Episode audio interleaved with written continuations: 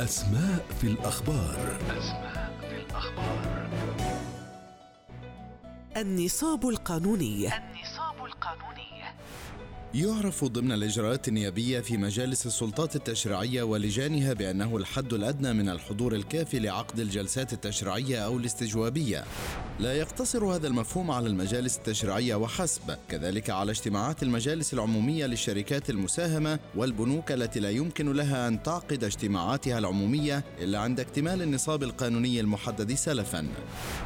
النصاب هو أهم أركان شرعية كل اجتماع وأحد الضمانات اللازمة لكي لا تصدر عنه أي قرارات غير ممثلة للجهة التي يتداول نيابة عنها. وذلك بأن يمنع أن تنفرد مجموعة أقل من حجم النصاب باتخاذ القرار. إذا لم يكتمل نصاب اجتماعا من الاجتماعات لا ينعقد الاجتماع ولا يبدأ أعماله بل يؤجل حتى يكتمل النصاب. يتراوح النصاب القانوني في غالب المجالس بين النصف أو الثلثين من أعضاء المجلس. وتختلف أيضا حسب نوعية الاجتماع فالاجتماعات الدورية والاعتيادية غالبا ما يكتفي فيها بحضور نصف الأعضاء.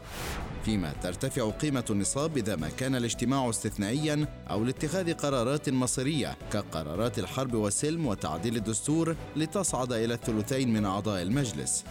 إذا اكتمل نصاب أي اجتماع من الاجتماعات وبدأ في تداول أعماله يكون لأغلبية الأعضاء الذين يشتركون في التصويت على أي اقتراح يطرح فيه الحق في أن يتخذوا القرار نيابة عن باقي الأعضاء.